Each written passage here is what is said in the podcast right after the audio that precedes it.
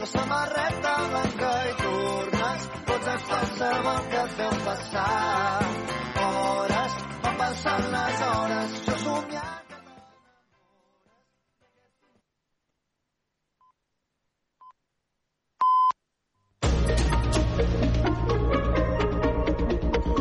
Notícies en xarxa. Bon dia, són les 9, us parla Maria Lara. El Servei Meteorològic de Catalunya ha emès un avís per temps violent durant dues hores entre mitjanit i les dues de la matinada d'avui a les Terres de l'Ebre i també algunes comarques de Ponent. Segons la previsió, hi ha possibilitat que caigui pedra de diàmetre superior a 2 centímetres, ratxes de vent de més de 25 metres per segon, esclafits i o tornados o mànigues. El grau de perill és màxim, 6 de 6 en aquest cas a la Terra Alta i alt entre el 3 i 4 al Montsià, al Baix Ebre, a la Ribera d'Ebre i també al Priorat, les Garrigues, al Segrià i al Baix Camp. També recordem que hi ha alerta per altes temperatures. La calor tocarà sostre, sobretot a l'oest de Catalunya, i el perill es preveu molt alt a les comarques de la Terra Alta, a la Ribera d'Ebre i també al Priorat, amb temperatures que poden fregar fins i tot els 43 graus. I els Mossos d'Esquadra han detingut 12 persones relacionades amb la batalla campal que es va produir la matinada del passat 23 de juliol a les portes d'un local d'oci nocturn al popularment conegut carrer del Pecat de Sitges. Els arrestats tenen d'entre 19 i 41 anys i són de diverses localitats del Garraf. L'Ajuntament del Ripoll està estudiant la manera d'aplicar possibles restriccions d'accés a la font de Tòtil. La proposta sorgeix de les queixes dels veïns de la zona que han notat un increment de visitants des dels darrers mesos i fins i tot persones que es banyen quan aquesta és una pràctica estrictament prohibida en aquesta zona. Televisió del Ripollès, Judit Lechón el torrent de la Cabana Can Davano, el gorg de Malatosca de Sant Joan de les Abadeses o el refugi del Pla de Prats de Campelles. Tots són espais idíl·lics de la comarca que estan patint les conseqüències de l'accés de visitants. L'últim indret on s'han encès les alarmes perquè està rebent un alt volum de persones és la font del Tòtil de Ripoll. I ja no és només per l'elevada afluència, sinó perquè hi ha qui fins i tot s'hi banya, quan en aquesta zona de la capital posar-se dins l'aigua està prohibit. Els veïns de la zona han adreçat les seves les queixes a l'Ajuntament, qui està treballant per cercar una solució i restringir l'accés. Silvio Riols és la batllessa de Ripoll. Enviem sovint la policia local perquè faci inspeccions i multi els cotxes que hi ha aparcats a la Font del Tòtil, però fins i tot encara que no sigui aquesta la problemàtica dels cotxes a la Font del Tòtil, el que hi ha és un trànsit continu de gent doncs, que es banyen, que també està prohibit. Una opció viable, segons el consistori, seria la contractació d'un informador que alhora pugui regular i limitar l'accés a l'espai, però de moment s'ha descartat per falta de pressupost. I Montblanc Medieval compleix 10 anys de la seva presència a les xarxes socials. L'agost del 2013, l'Oficina de Turisme de Montblanc va iniciar un projecte pioner de comunicació turística a les xarxes com Instagram i Facebook. Ràdio Montblanc, Gemma Bufies. Es tractava d'una iniciativa pionera, ja que poques oficines de turisme eren presents a les xarxes socials.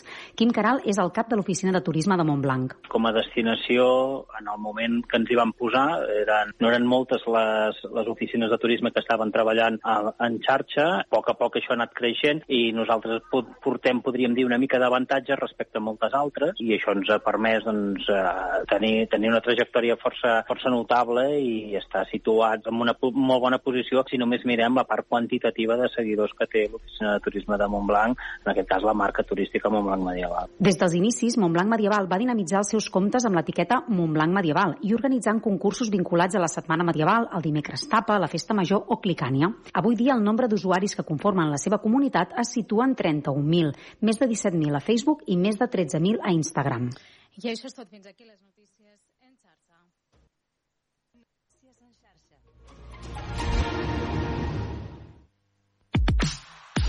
Aquest estiu, obert per vacances. Cada matí, de 9 a 11, a la teva ràdio local. Amb Manel Ferrer. Molt bon dia, què tal? Benvinguts a l'Obert d'avui dijous 10 d'agost del 2023, dia en el que hem conegut que almenys 41 persones han mort en un naufragi amb migrants davant de Lampedusa, tres dels quals eren menors mentre intentaven creuar l'estret de Lampedusa. Amb ell ja són 1.800 les persones mortes a la travessa del nord d'Àfrica a Europa. A més, el passat dissabte 34 persones més van morir en dos naufragis en aquella mateixa costa, la de Lampedusa. I avui també hem conegut que les platges sense fum estan funcionant notablement a Catalunya, malgrat i que les borilles segueixen apareixent a la sorra i encara un 30% dels usuaris de les platges asseguren desconèixer que està prohibit fumar a la platja. Malgrat tot, l'Ajuntament de Barcelona, per exemple, diu que ara només és un 1% de la gent la que segueix fumant a la platja, malgrat la prohibició que ho impedeix amb multes de 30 euros si es pot demostrar que hi ha un incompliment reiterat. Al sol de poniente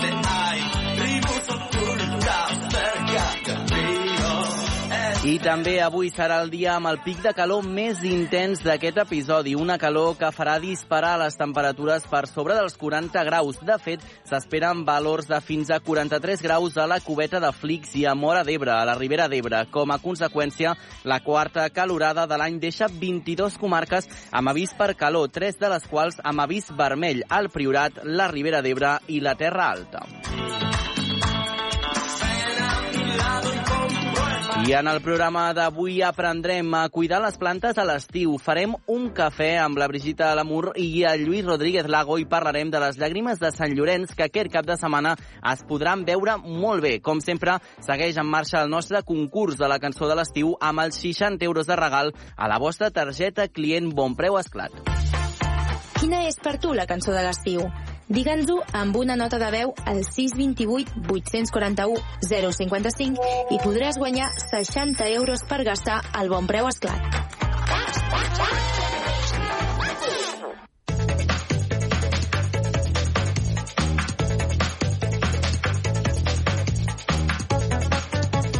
Com dèiem, dijous 10 d'agost i, evidentment, com no pot ser d'una altra manera, és el moment de saludar el nostre company del nou FM, Eudal Puig. Molt bon dia, com estàs? Molt bon dia, Manel, tot bé? Tu? Molt bé, molt bé. Escolta'm, eh, cap a on anirem avui? Doncs mira, abans de, de dir-te a on anirem, uh, saps quin sant és avui, no? No, és que jo que el tema Sants no, No? ho porto Vale. gens, Eudal. Va. Gens, gens, No. gens. Ca, cap problema, aviam. A veure. Doncs, avui, tot i que, que sigui un dia que, com bé has dit, farà una mica de calor, que Sí, Déu-n'hi-do com apretarà, sí. ens caldrà mirar el cel fins i tot el més lluny de tot, allà, allà, dalt de tot, eh, més o menys per allà serà cap on anirem, més o menys. Carai, més enllà del cel? Bueno, aviam, perquè ens entenguem, Sí. mirarem el cel i sabrem més o menys on, on som. Ah, d'acord, molt bé. Per tant, avui mirarem el cel. Home, interessantíssim. Ens farà falta agafar un avió per això no caldrà? No, no, des de... Toc tocarem de peus a terra, no pateixis. Molt bé, d'acord. Doncs, escolta, ens quedem amb aquest misteri. Eh, Eudal, d'aquí una estona veurem on ens portes. Ja ens has dit que la pista avui és que posarem el cap en alt, mirarem cap amunt i estarem ben atents del cel. Gràcies, Eudal. Fins d'aquí una estona. Fins després. Obert per vacances. Cada matí, de 9 a 11, a la teva ràdio local.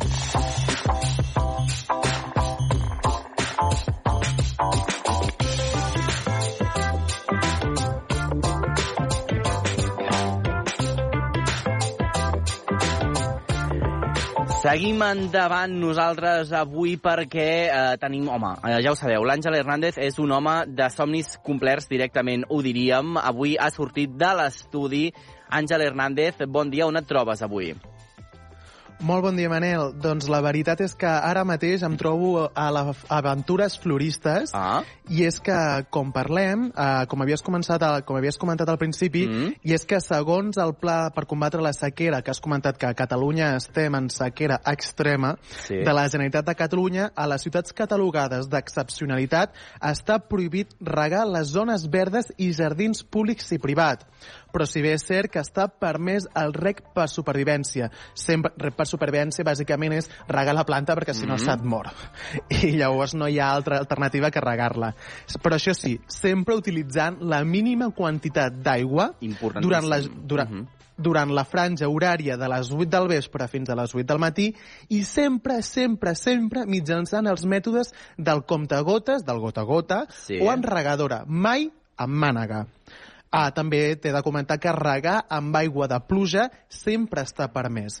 I ara també un tema més amable i irreverent, que crec que pot ser d'interès als nostres oients, és que, parlant de plantes, actualment hi ha hotels per a plantes. Què em dius? Així com hi ha hotels per plantes. Així ja no val, ja no s'hi val deixar els testos a la veïna perquè els cuidi. Mhm. Igual que existeixen residències canines, atents, l'hotel Patch de Londres és el primer hotel de plantes del món i va obrir les seves portes en el 2019. Encara que pugui semblar impossible, aquest establiment té habitacions específiques mm. per a les necessitats de cada vegetal. Té suites assolellades i d'altres que tenen ombra, tot a gust del consumidor és a dir, del tu gerani. Carai. Fins i tot hi ha un servei de balneari amb nebulització i tractament de teixits. No vull saber, Àngel, què és el que costa una nit d'aquest eh, hotel de, de plantes, eh? Però escolta'm, com a iniciativa jo crec que hi ha mercat, hi ha mercat, eh? Perquè al final també parlaves de deixar-li les plantes al, al veí, però clar, quina responsabilitat per al veí? Perquè clar, potser tu no tens plantes perquè no saps cuidar-les, imagina que et deixen unes que no són teves i les has de mantenir en vida dos o tres setmanes. Una gran responsabilitat. Va, per parlar de plantes i també consells per mantenir-les sanes i vives ara a l'estiu, on fa molta calor i molts no paren per casa, tenim amb nosaltres a l'Anna Ventura, florista i propietària de la floristeria Ventura de Badalona. Molt bon dia, Anna, com estàs? Hola, bon dia. Molt bé. Primera pregunta, i pregunta molt pràctica. Quins consells ens donaries per mantenir vives les plantes eh, i què els diries als nostres oients que se'n van de vacances? Què han de fer amb aquestes eh, plantes que no poden deixar segurament en un hotel d'aquest de luxe de plantes, com ens explicava l'Àngel? Què podem fer amb les plantes? Hi ha diverses coses a poder fer. Uh, hi han productes que tant siguin casolans com comprats en floristeries o gardens mm poden funcionar. Des del gel que pots posar uh, i es va, uh, amb la humitat de la, de la terra doncs es va desfent de mica en mica. Hi ha tots els cons que mitjançant un, un cordill de cotó doncs va també caient.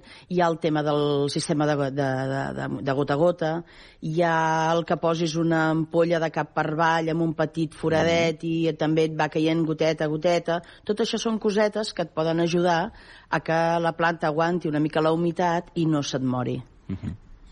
Després també, um, quines són, perquè ara, com hem dit, estem en un període de vacances, on hi ha més calor, on la gent no para per, per casa, quines són les espècies de plantes més adequades per l'estiu i que la gent més sol·licita doncs, aquí a Floristes Ventura de Badalona? Uh, clar, s'ha de tindre en compte dues coses. Una cosa és la planta que és com més vistosa, que té flor. Aquesta, aquest tipus de planta és una planta que requereix més aigua uh, i després hi hauria la planta que és cap on de fet hauríem de pensar a anar, que serien plantes doncs més dures i que aguantin més uh, la sequetat.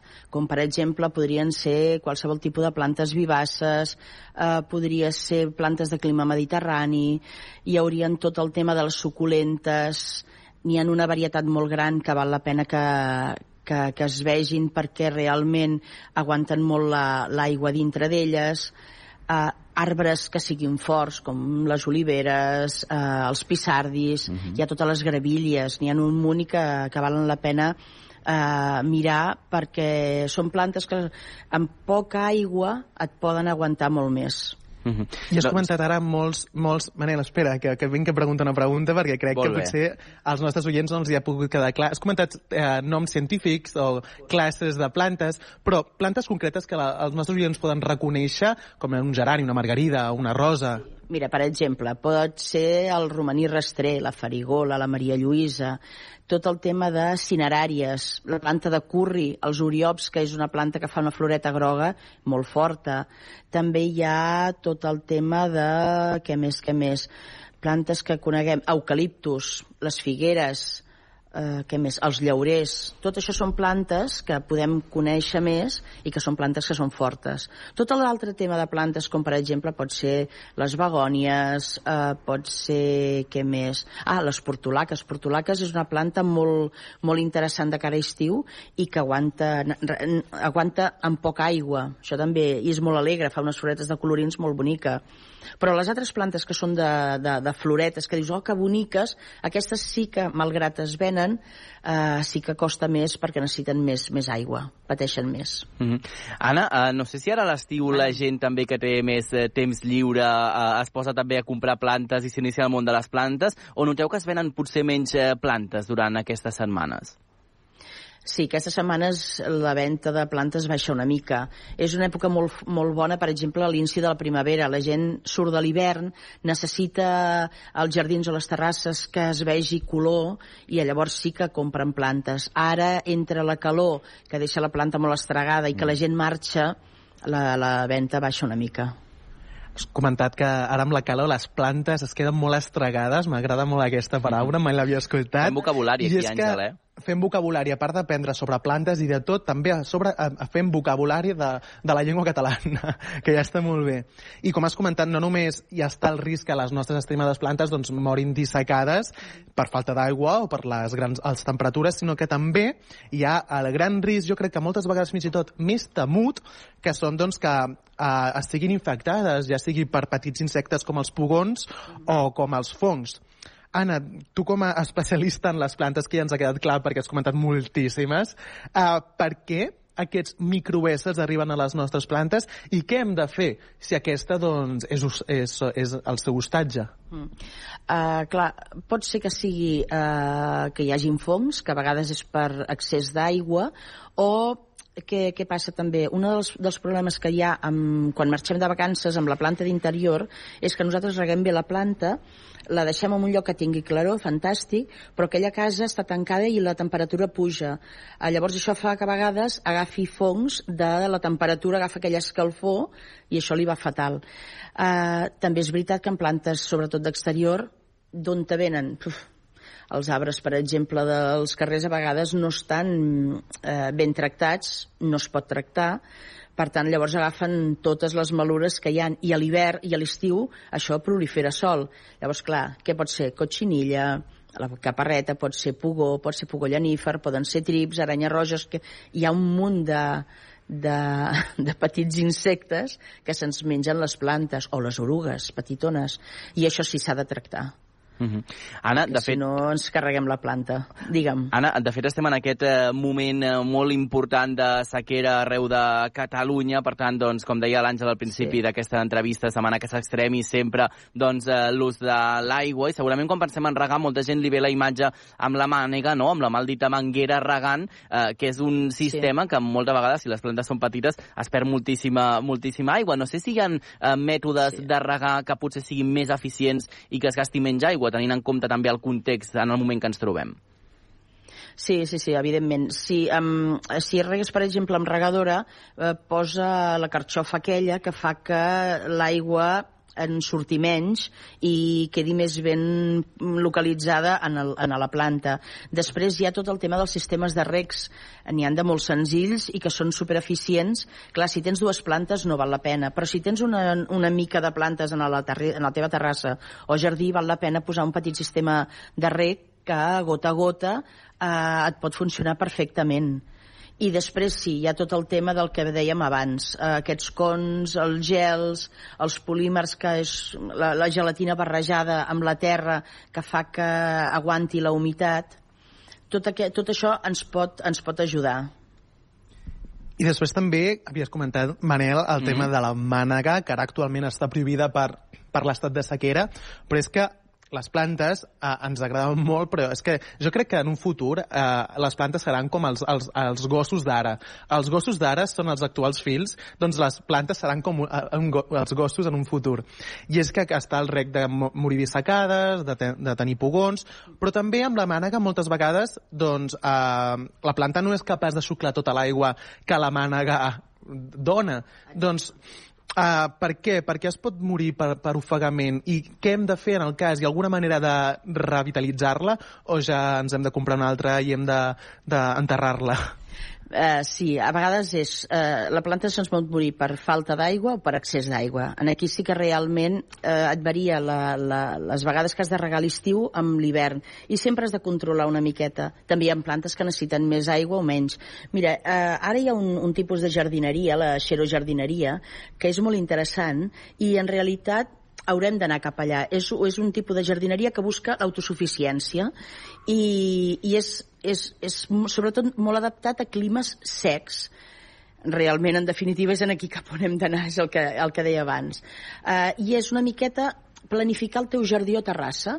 Molt bé, què és el que m'agrada, però en el clima on estic, o si hi ha molt de sol o si hi ha poc sol, què és el, quin tipus de planta puc posar. I això val la pena tindre-ho en compte. És diferent si tu vols un jardí eh, francès o un jardí anglès, requerirà molta més aigua, però en aquí potser no és el més encertat. Potser val més que tiris cap a, cap a clima, cap a algun tipus de, de jardí més mediterrani, plantes que necessitin molta menys aigua, i això val la pena. També hi ha un altre tema que no he comentat i és el, el mulching. És dintre de la jardineria. Això val la pena que ho busqueu perquè és molt interessant. Mm. I, és, I es basa en l'utilització de tècniques que el que fan és que puguis retindre més la humitat eh, en, el teu, en el teu terreny. Llavors, per exemple, què coses que podem fer? Eh, posar sobre de les plantes escorça, trossets de, de, de fusta, palla, tot això el que farà és que la humitat es retingui en la, en la terra i, per tant, no s'evapori, amb la qual necessitaràs menys aigua. Molt bé, doncs escolta'm, Anna Ventura, florista i propietària de la floristeria Ventura de Badalona, que podeu seguir visitant i coneixent. Gràcies per ser avui amb nosaltres a l'Obert per vacances i de ben segur que has donat consells i pistes als nostres oients que ens vindran a tots molt i molt bé. Moltes gràcies. Gràcies a vosaltres. I gràcies també a tu, Àngel. Cuida les plantes, eh? Jo, les plantes a mi m'encanten. I recordem, estem aquí al passeig, eh, Lluís Compa al passeig Lluís Companys de Badalona, Floristes Ventura. Gràcies, Àngel. És que, com dèiem, la calor marca clarament la cura i el manteniment de les plantes. Les altes temperatures i els problemes de sequera determinen la supervivència d'aquestes. Tot i això, hi ha algunes que pateixen menys que d'altres i també existeixen alguns trucs perquè puguin sobreviure a l'estiu. Des del Botànic de Cardedeu, l'Oriol Gasui ens explica quines són les millors plantes per plantar ara a l'estiu. La calor marca clarament la cura i el manteniment de les plantes. Les altes temperatures i els problemes de sequera determinen la supervivència d'aquestes. Tot i això, hi ha algunes que pateixen menys que d'altres i també existeixen alguns trucs perquè puguin sobreviure a l'estiu. Des del Botànic de Cardedeu, l'Oriol Gasuí ens explica quines són les millors plantes per plantar a l'estiu. Doncs les millors plantes que recomanem per plantar a l'estiu són plantes principalment que tinguin poques necessitats hídriques, que gastin poca aigua i hi ha una oferta bastant completa d'aromàtiques, de begònies, alguns tipus de geranis, dipladèmies, hi ha molta cosa per triar. Un altre aspecte a tenir en compte i molt important és el rec, quan s'ha de fer i quines són les millors hores per hidratar les plantes. Doncs a l'estiu la planta està més estressada degut a diferents condicions, sobretot la temperatura, que apreta molt fort, i la principal recomanació que donem a la gent és que regui al matí, que és molt important, la gent té tendència a regar al vespre perquè és molt agradable, però la planta agraeix molt ser regada al matí, durant el dia fa aquest consum d'aigua i que arribi al vespre una miqueta sequeta. Durant la nit no utilitza la humitat i el, el, el, matí, l'endemà, ho tornem a regar i es i passa molt bé el dia. En cas de regar al vespre, aquesta aigua es queda en el terreny, la terra està calenta i és molt possible que apareguin fongs a la planta. Les restriccions per la sequera han marcat la quantitat d'aigua que podem gastar, també per al manteniment d'arbres i plantes. Cardedeu és un dels municipis amb situació d'excepcionalitat. Per això està prohibit regar zones verdes públiques o privades. I plantes i arbres es poden regar per supervivència, però mitjançant el rec gota a gota o regadora, des de les 8 del vespre fins a les 8 del matí. Obert per vacances. Busca'ns a la teva ràdio local.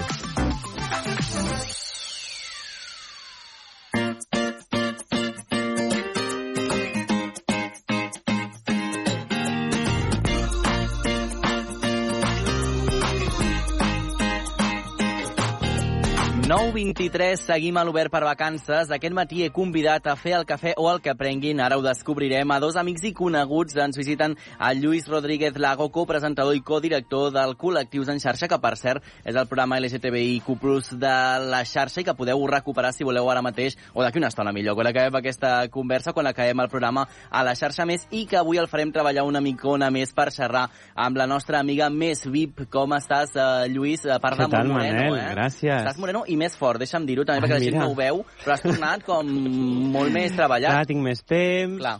Vas més a la platja, Vaig més a la platja, vas més al gimnàs, més al tot es gimnàs, estic més tranquil·let. Escolta, sí, tenim sí. una convidada VIP avui, eh? Exacte, sí, sí. Eh, bueno, primer de tot, bon dia a Catalunya, Bon dia, eh? Catalunya. Que bé, eh? Dir això, oi que sí? I tant, I en tant. directe. En directe, Uau. uau. doncs sí, ens acompanya la catalana més VIP, una vedet, presentadora, cantant i sobretot activista per la llengua i, i pels drets del col·lectiu LGTBI, que a més a més està a punt d'estrenar Mm. un espectacle de primera. Oh. Benvinguda, Brigitte Lamour. Ai, nens, bon dia, Catalunya. Bon dia. Bueno, jo diria bona tarda, perquè una servidora es lleva a les 5 del matí. Què dius? A l'estiu, i per això us he demanat que jo, si pot ser, em podeu canviar el cafè per un vermutet. Però a aquesta hora ja estàs amb el, amb el vermut, ja el cafè ja, ja et sembla poca I tant. cosa. Sí, sí, sí, jo aquesta hora ja és la meva hora del vermut. Per cert, Digues. és molt lleig Digues. que avui em presenti el Lluís, clar, a part de tot el que té, a sobre acabes de dir que el cos també ha treballat, Sí. és que a més Ai. és un gran escriptor que presenta la seva novel·la el tal com sucedió, que no us la podeu perdre, eh? Ai, moltes Molt gràcies, bona. És que ho té tot, Molt bé. ho té tot aquest noi, i a mi jo des de la distància, en comptes de pagar-me un helicòpter per anar fins allà... Escolta, igual, ara no els, els meus jefes d'estiu de la xarxa pens pensaran que us he convidat per fer promoció de totes les coses que feu. És a dir, que Ah, semblarà no, això no, un programa d'aquells que, que, que venen coses per la tele, saps? De televenta, no? De les No, galeries no, del Tresillo. no, no, no. Però, Brigitte, hem no, de dir... nosaltres estem a les xarxes Sí. locals, nen, i nosaltres fem promoció de lo nostre, Clar que no? sí. No has de dir res. De fet, per això t'hem No. convidat, perquè a part, Brigitte, a part de ser una gran vedeta, una gran presentadora i una gran activista, com dèiem, eh, et t'obres en el món de ser empresària perquè tindràs el teu propi show al setembre. Explica'ns-ho bé, això, si us plau. Mira, nens, clar, jo sóc tres generacions o quatre enrere vostra, Hola. i llavors jo ja em tenia que mirar eh, plans de, de, de vida i assegurances post-mortem i aquestes cosetes. Però dic, saps què? Em faig empresària. Perquè, mira, falta molta cultura, després es- hem tornat enrere en moltes coses i això ens sap molt greu mm. i m'agrada que sempre em destaqueu com a activista social i, i hem vist aquestes passades eleccions doncs, que tenim l'ultradreta aquí a tocar, ja, ja estan les institucions, sempre reivindico que és amb diners públics, Mhm. no ens hem d'oblidar, Mhm. es blanqueja l'ultradreta, ara ha marxat a l'Espinosa i tant de bo vagin marxant tots, però és que no és la, la tova, aquest a l'Espinosa, Mhm. perquè una de les perles que, que va dir doncs, que, bueno, que van passar de- d'estomacant els homosexuals a que ells imposin les lleis. O sigui, imagineu-vos a tu el blanquejament d'aquesta ultradreta, no? que la tenim aquí a tocar. I llavors vaig pensar, saps què? Fes-te empresària i porta l'amor arreu del món de parla catalana. Mm. principi, de parla catalana, que ja sabeu que una tiene idiomes, querida. Home, Però clar. primer lo nostre, que això no sembli ni racista ni feixista, però primer lo nostre en el sentit de que la nostra cultura és la que és, la, la llengua, que és molt maco, la llengua materna, que vol dir de, de la que tu has tingut la sort d'estar a casa i de la que parlen els teus pares i familiars, Mm. doncs tot això ho hem de conservar. Llavors, per això vaig decidir fer-me empresària i aquest primer espectacle que es titula, que és molt fàcil, una cita amb la Brigita, Sí. doncs vol ser això, vol ser un cant a la vida, un cant a la llibertat, un cant a la diversitat. Al final, un cant a l'amor, perquè l'amor té moltes formes, nens. Oh, i tant. Escolta, doncs quina ganes de veure-ho. I, I et faig una pregunta, Brigitte, perquè eh, primer... Tu si... pots fer el que vulguis, nen, però Jolines. porta'm el vermut, que estic Vale, seca. vale. Amb un bíceps d'aquests que tens, l'altre bíceps... Que no, que no, que no feu això, eh, sisplau, perquè... Això ho certifico jo com a A presentador del més- programa, que ha tornat molt fort. Ara, i a més, aquest nen es cuida, Manel. Oh, i tant, que es cuida. En això de les xarxes, Sí. que s'ha posat tot unes cremetes a la cara. Ah, sí. A tot, Això sí, va sí. fer la meva mare, però molt agraït. Escolta, Brigitte, que et volia preguntar. Digue'm. Primera, si recordes la teva cita, perquè la teva primera cita, perquè ara estem vivint tot aquest boom, per exemple, del Herstopper, però, per exemple, quan jo era més jove, encara tot era una mica clandestí. Les cites del col·lectiu no són del tot igual que les cites hetero, no? Així és, bueno, jo us respecto eh, com a col·lectiu perquè no us entenc, saps? Jo també sóc molt... No us entenc, perquè dos homes que s'estimin o dues dones que s'estimin, bueno, mira, em costa, em costa Ja. perquè això no és, no és normal i no ha de ser sa. No ser, però bueno, ja és cosa vostra, ja us ho fareu. Uh -huh. I llavors, clar, resulta que em poseu aquests anglicismes. Mira, avui he après, gràcies a l'Anna Ventura, Sí? aquesta dona, que per cert, jo un dia hauré de passar de col·laboradora amb aquesta senyora, perquè a mi les plantes m'enamoren. Llavors he après el mulching. Sí. I jo ahir vaig aprendre el jacting. I què és el llac? I jo clar. no sé què és. Ui, agafeu-vos, esteu sentats, Oh, i nens. tant, sí. Doncs vinga, jacting. Heteros que reben diners per tenir relacions amb persones del mateix sexe, però no són homosexuals, eh, per favor. És eh? només la seva No feina, sigui- podríem dir. Sí, clar, no sigui. Clar, no sigui. Clar, Que, clar, que d'alguna manera, Brigitte, no, no es sent com uh, ofesa, no?, la, la seva habilitat, no?, de, de senyor heterosexual, Clar. no? Uh -huh. Sí, És només sí, una no qüestió de sigui que- necessitat. Sí, sí, sí. Ara, sí, sí, sí, no sigui que, que, el, que aquella persona la tatxin d'homosexual, perquè, clar, quina vergonya. No pot ser, nens, clar, i és un escàndol. I tot això, nen, ho enllaço Mhm. amb aquest esquarterador que el Mm. tenim a Tailàndia, juntament amb dos més assassins catalans, perquè això a vegades de que, ui, allà fora, les sèries de Netflix, el true crime i aquestes coses. No, no, aquí també en tenim. Mhm. Doncs, quina casualitat que tenim tres assassins eh, catalanets, bueno, el Daniel Sancho no és català, però bueno, eh, el seu avi va estar molts anys a Catalunya i amb això ja m'hi val. Doncs, quina, quina manera de blanquejar amb un assassí i a sobre un noi eh, tan homòfob, perquè a sobre això, no? Llavors, ah- ahir vaig aprendre el yachting, què vol dir això? És aquesta pràctica, que ja em diràs tu, qui, quina ironia de la vida. Ens l'apuntem I per col·lectius en xarxa, eh? Sí, perquè sí, la desconeixíem totalment. Sí, sí. Doncs mira, Y-A-C-H-T-I-N-G, que per cert, ara m'han dit quatre generacions més tard Sí. que ja no diuen a les escoles Y. Que, com li diuen ara, això el Lluís ho No ho sabrà. sé, no me'n recordo mai. Ja Ostres. no li diuen Y. A la meva crec que li el Y, eh? Li han canviat el nom. Sí, però ara ja no. Ara No? és que les nens d'11 i 12 no. Dos nens, eh, ja, ja m'he perdut, en definitiva. que la, ah, sí, la primera cita. És que, Sí, és que sí. m'irrito. La meva primera cita pensa que aprofitava el tramvia. Clar, Jo Mhm. vaig néixer l'any 1905, per Santa Teresa. Ara aquest any, a l'octubre, faré 118 anys. Suposo que sabeu quan és quan és el, el Santa Teresa, no? Seguiu el santoral, No, no? jo no en tinc ni idea. De Jo fet, un tampoc. company, un Sí, reporter del programa m'ha preguntat per quin sant era avui i jo, Brigitte, això no ho porto. Jo sé que, que tu sí, perquè ens felicites a tots via xarxes, els sants, els Ah. aniversaris. Jo vaig perdut amb tot això. Nens, perquè jo sóc de l'Opus Gay, i llavors de Gay. va, jo em regeix, clar, jo em regeixo pel santoral. Jo vaig néixer el dia de Santa Teresa. Llavors és el 15 d'octubre, 15 apunteu-ho, per, primera per felicitar-me. Sí. Això segur. Apunteu-vos, du dues dates, apunteu-vos. El 14 de setembre, nen, Mm. que haig de planar el casino de l'Aliança del Poble Nou. I ara Importantíssim. torno a la primera cita. La primera cita meva, pensa vaig, vaig aprofitar el tramvia, aquell mateix tramvia que va matar Anna l'Antoni Gaudí, Mhm. doncs jo hi era, en aquell tramvia, i aprofitàvem quan passàvem per una ronda plena de plataners, a les fosques, i allà ens fèiem uns tocaments. I prou. O sigui, que imagina tu el que ha canviat ara la cosa, nens, i la primera cita no l'oblidaré mai, perquè són, jo no sé les vostres, Mm. però la meva va ser un desastre. Sí. Un desastre, perquè a més a, a mi em faltaven mans, o em sobraven peus, o la llengua amb un ull. Clar, no són hores, nens, però clar... No, tens raó, oi, tens si raó. Jo, ui, si Sí. hagués enganxat aquell noi, ara, amb el que sé. Sí, Oi, clar. per favor.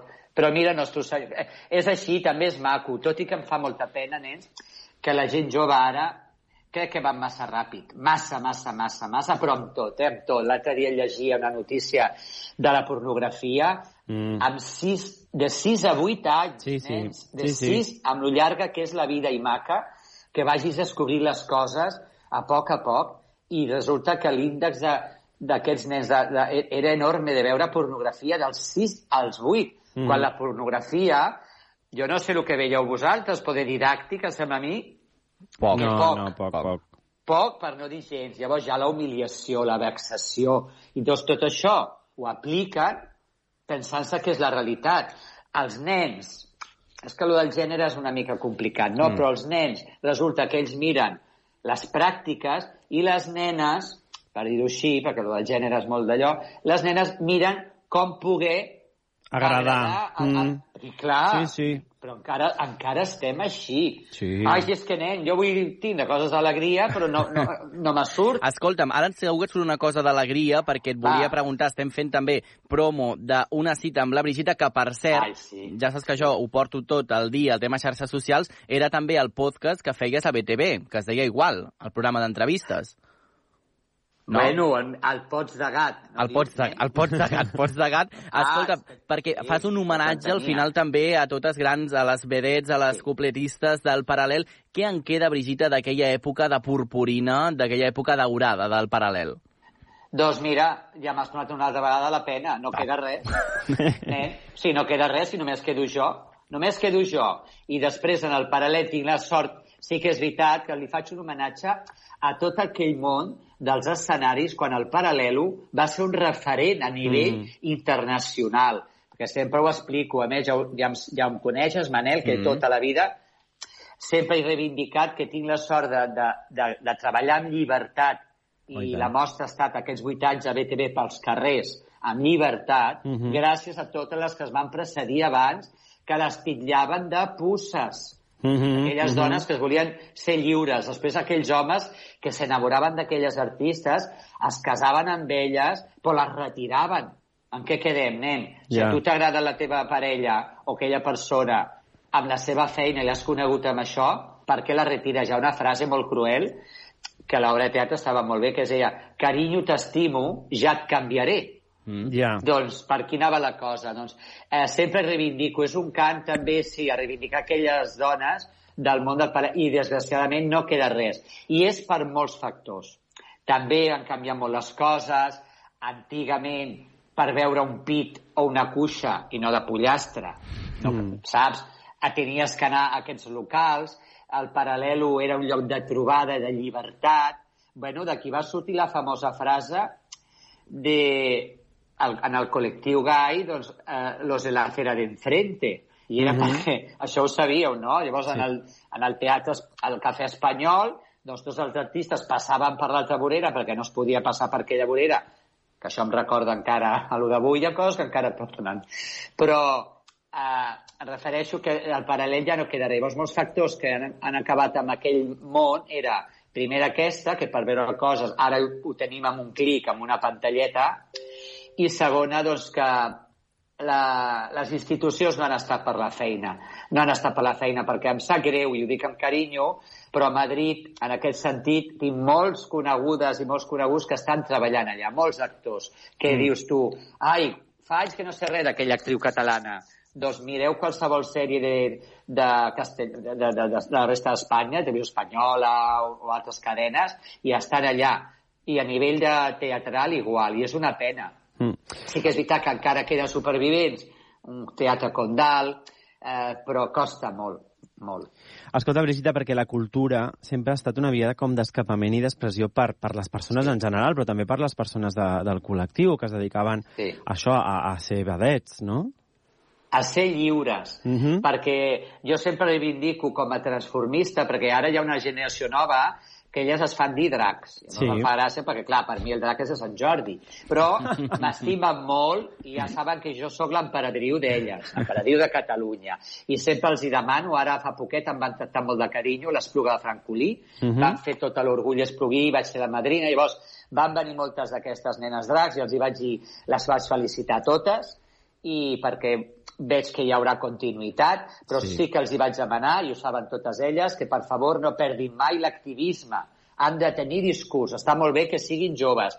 Tinguin els oblics marcats, mm. perquè costa molt de mantenir-los, que és el primer que se'n va quan arriba l'edat, Sí, una sí, edat. sí. Sí, Llavors, sí, sí. llavors, els maquillatges estupendos, i el vestuari que el mirin, que vagin netes, Mhm. però el consell que els hi vaig demanar que segui, segueixin amb l'activisme, que tinguin discurs, perquè tota aquesta gent, com tu has dit, Lluís, tota aquesta gent van patir molt, van estar a la presó per ser lliures, Mhm, mhm. perquè aprofitaven el transformisme, perquè moltes no van poder tampoc ser com volien ser, havia molta transexualitat i no van poder-ho fer, l'única manera era el transvestisme, que és una altra cosa. Mhm. Jo sempre quan tinc un curset que faig, que explico la, un taller, més que un curset, explico les, les sigles LGTBI, Mhm. que per cert, a partir del gener ho, ja ho escoltareu perquè estic molt contenta perquè m'he volgut enfocar a, en, la, en la gent gran, perquè Ah, molt són bé. els grans. Molt bé, Ens molt interessa Molt, moltíssim. Ja ens ho explicaràs, Ja us això, ho- Brigitte, sí, ja us perquè ho és un tema que ens la- interessa. sí.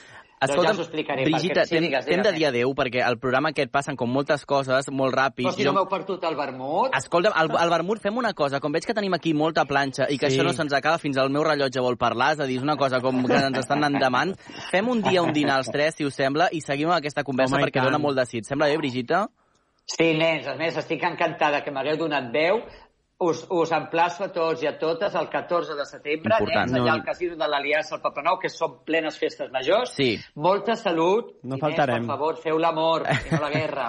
doncs ens quedem amb aquest missatge. Dia 14 de setembre, al Casino de l'Aliança del Poble Nou, una cita amb la Brigita que promet eh, molta fantasia purpurina i molt d'amor. Brigita, moltes gràcies i que Moltes acabis de passar un gràcies. bon estiu. Bon estiu, hidrateu-se. Hidrateu-vos tots molt. I gràcies, Lluís. D'aquí res, ja preparant la tornada del col·lectiu, suposo, sí, eh? home, Tenim exacte, temes. buscant temes i, i, i els que tenim. I els temes que t'han indignat, però ja al setembre ens els expliques Sí, perquè sí, ara no, temes... ara no. Tenim feina, no, no, no ens avancem. Gràcies, Lluís, que acabis de passar un bon vagi estiu. bé. Seguim endavant. Obert per vacances. Busca'ns a la teva ràdio local.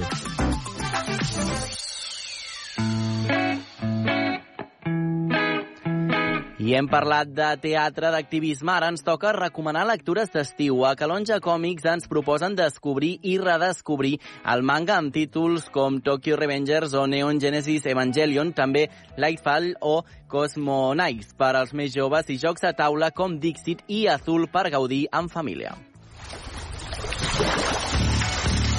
Lectures d'estiu des de Calonja, Poble de Llibres.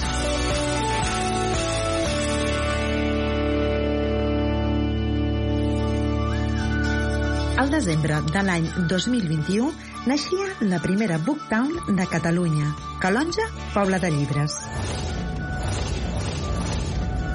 Calonja Còmics, amb en Sergi Martínez al capdavant i amb el suport i assessorament de Norma Editorial, està especialitzada en el món del còmic americà i europeu, en manga i en novel·la gràfica, però també hi trobarem jocs de taula i un espai dedicat als temes contraculturals i artístics. A Calonja Còmics ens proposen descobrir i redescobrir el manga, gaudir dels jocs de taula i literatura infantil i juvenil. Ens hi posem lectures d'estiu.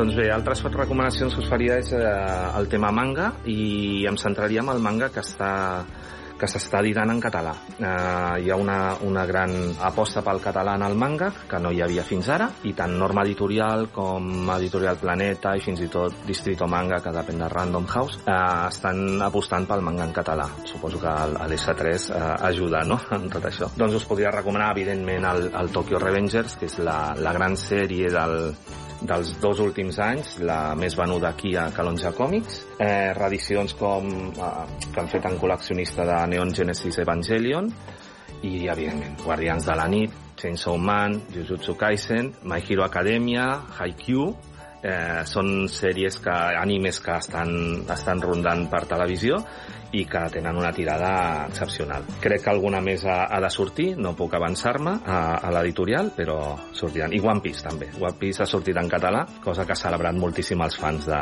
de la sèrie.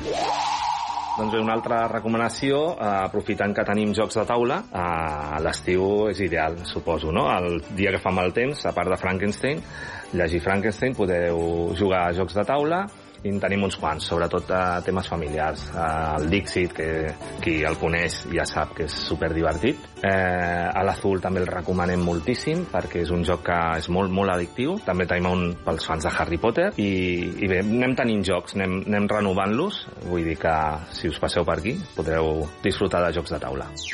Tokyo Revengers, el manga que ha estat una revolució mundial, té com a protagonista en Takemichi, un fracassat que va ser membre d'una banda en la seva joventut i que viatja 12 anys enrere en el temps per poder tornar a l'institut i salvar a la seva exnòvia de la mort. Neon Genesis Evangelion és un dels mangas de culte més populars i el podeu trobar en una fantàstica edició de col·leccionista que els fans de la sèrie no voldran deixar escapar.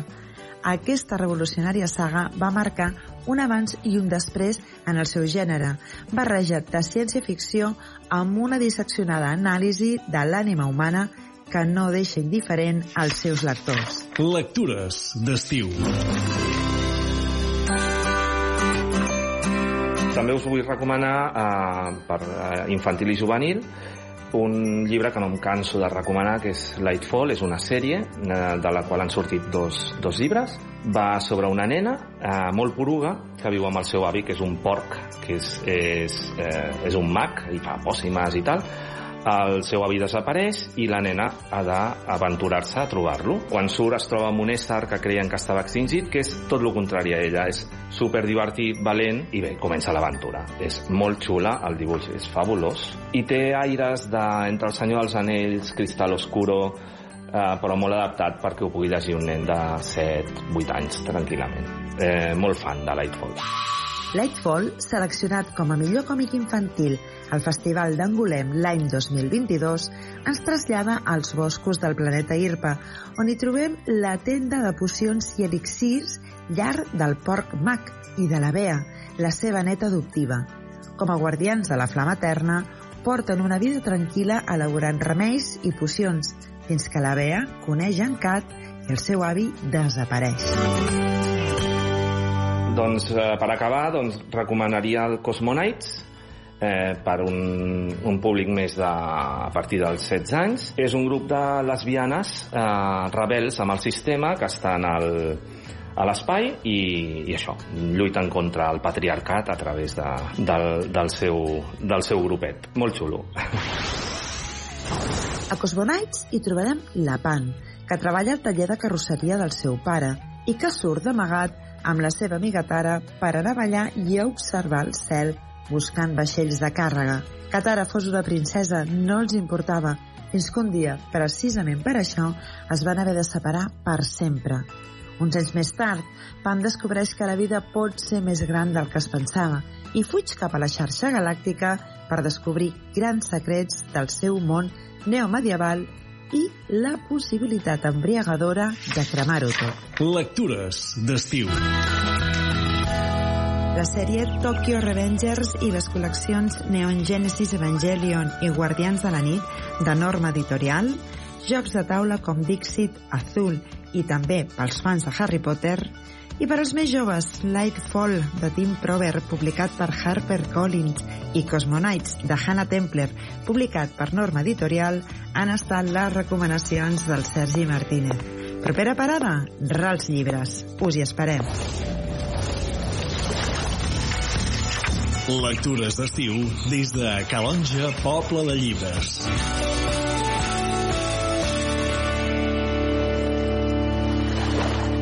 Calonja, poble de llibres, ja ho sabeu, aquestes lectures d'estiu les podeu recuperar totes quan vulgueu i des d'on vulgueu a la nostra plataforma La Xarxa Més. Obert per vacances. A la platja, a la muntanya, a la teva ràdio local i també a la xarxa més.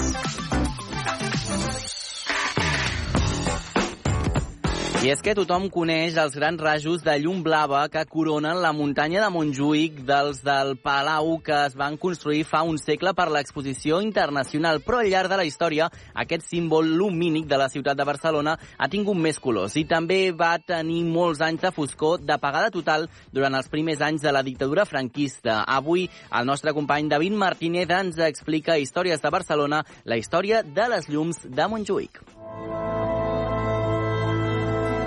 Els focus del Palau Nacional de Montjuïc són un dels símbols nocturns de Barcelona.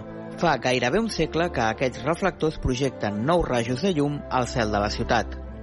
Aquesta és la història dels focus de Montjuïc i de quan la senyera va il·luminar les nits de Barcelona.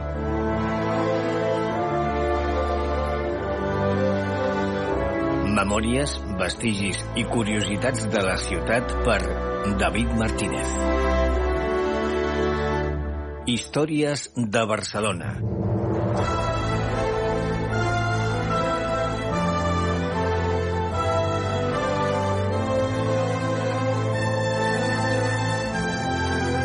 L'edifici del Palau Nacional és actualment la seu del Museu Nacional d'Art de Catalunya, el MANAC, però en el seu origen va ser el pavelló central de l'exposició internacional celebrada a Montjuïc l'any 1929.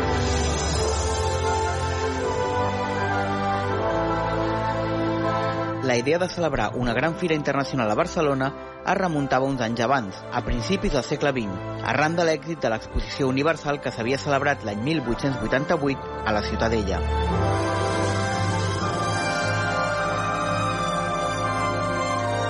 Entre els impulsors de la nova exposició hi havia destacades figures del catalanisme polític com Francesc Cambó o l'arquitecte Josep Puig i Cadafalc, que defensava el certamen amb aquests arguments. L'obra de la Fira Universal de Barcelona portaria a Catalunya al mercat del món i són pensament a la corrent de les idees mundials.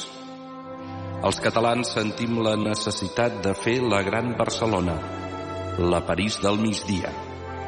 Som els catalans famolencs de llibertat els que somiem amb la força d'una gran ciutat rica i culta en fer la nostra capital moderna en arribar al triomf de la nostra raça.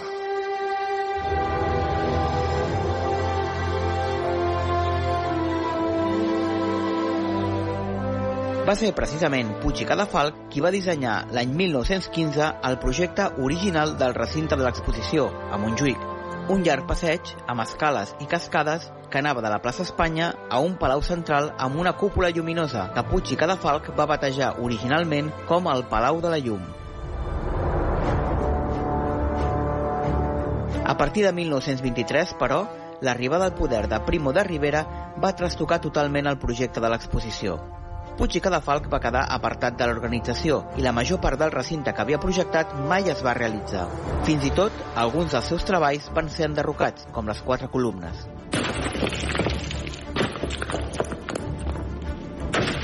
Un cop descartat el projecte de Puig i Cadafalc pel Palau Nacional, els nous organitzadors van convocar un concurs públic d'arquitectes. Va guanyar el projecte presentat per Eugenio Zendoya i Enric Catà, amb l'edifici d'inspiració classicista que actualment acull el Manac. Tot i que no formava part del projecte inicial, més endavant es va instal·lar al terrat del Palau Nacional un conjunt de reflectors que formaven part del gran espectacle de llums que hi havia a Montjuïc durant les nits de l'exposició internacional.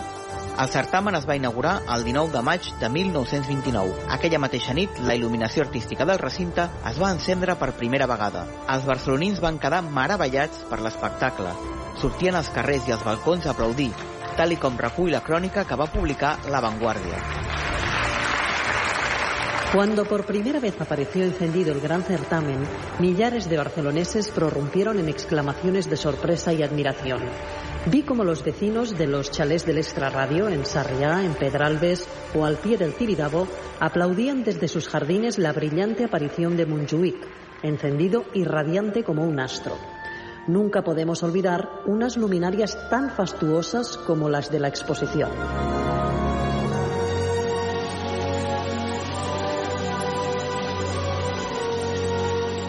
Va ser el director de les obres de l'exposició, Marià Rubió, amb l'ajuda d'un aleshores jove enginyer, Carles Buigas, qui van dissenyar l'espectacular posada en escena nocturna, on es barrejaven els jocs de llum i colors amb els efectes d'aigua.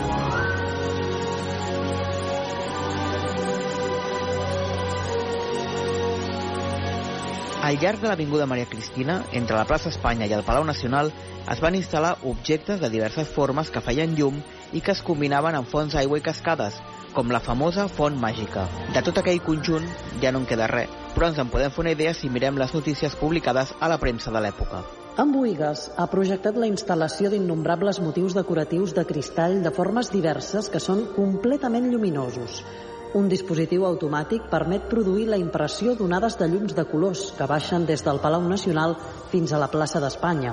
Així mateix, ha projectat la il·luminació de la façana del dit palau amb canvis de colors per separat de les torres i de les cúpules. Els colors emprats són el blau, el vermell i el groc, a més de la il·luminació blanca. Per tenyir la llum blanca dels focus luminosos s'empren cristalls colorejats.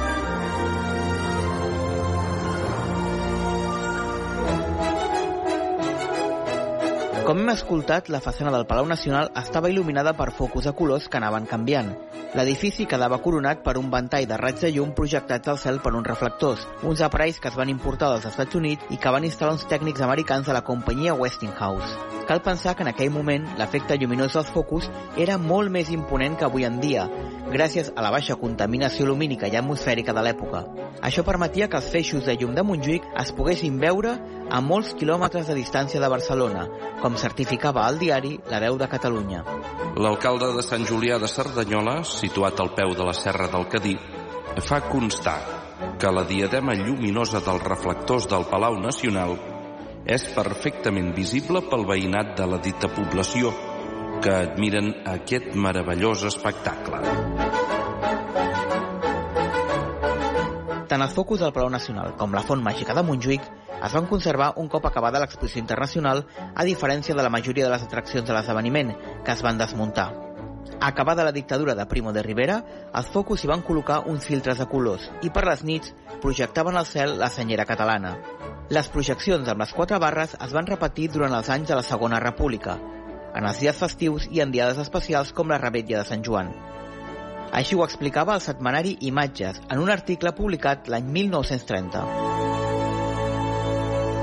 Durant el període de l'exposició, els raigs que coronen el Palau Nacional no canviaven de color. Blancs naixien i blancs morien. Però el temps succeïa el temps i els raigs del Palau Nacional s'acoloriren i s'acoloreixen.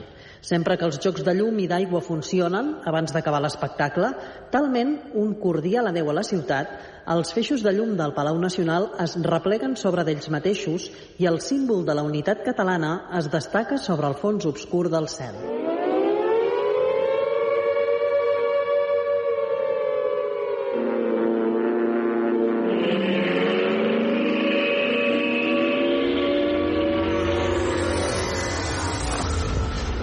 Tot plegat, com tantes altres coses, va acabar amb la Guerra Civil. Durant el conflicte, els reflectors del Palau Nacional van canviar totalment el seu ús i es van utilitzar per donar suport a les defenses antiaèries de Barcelona, detectant els bombarders que sobrevolaven la ciutat. Els focus van desaparèixer durant el conflicte i no es van tornar a recuperar fins als anys 50. L'any 1976, un cop acabada la dictadura franquista, es van fer proves per recuperar la projecció dels colors de la senyera, però els resultats no van ser satisfactoris i per això es va establir el blau com a color definitiu dels focus de Montjuïc.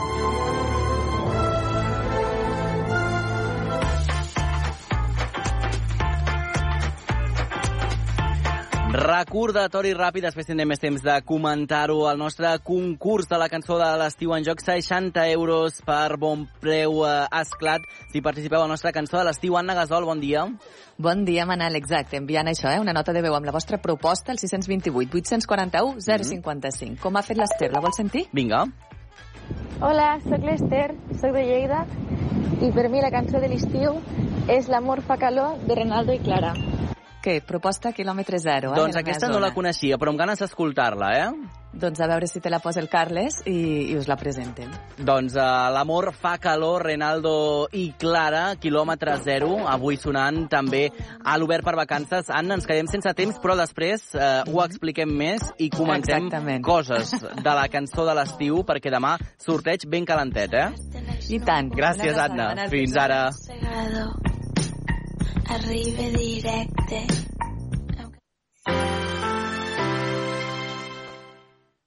La xarxa de comunicació local. Propostes en xarxa.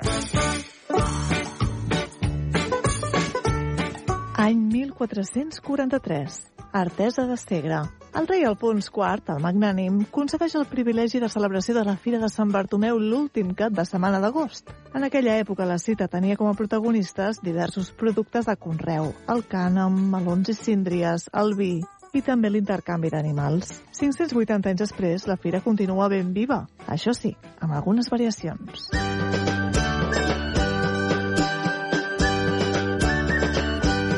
el pas dels segles, la mecanització del conreu i la febre mercantil han fet que la Fira de Sant Bartomeu s'hagi anat adaptant als nous temps, substituint el bestiar per exposicions de maquinària agrícola, però també mostrant treballs artesanals que es continuen reivindicant malgrat la modernitat. Aquesta cita de la Noguera arriba a l'edició 579. Sí, sí, com ho sentiu, 579. I ho fa amb un cap de setmana, el del 26 i el 27 d'agost, que omplirà Artesa de Segre no només artesania, sinó també de gastronomia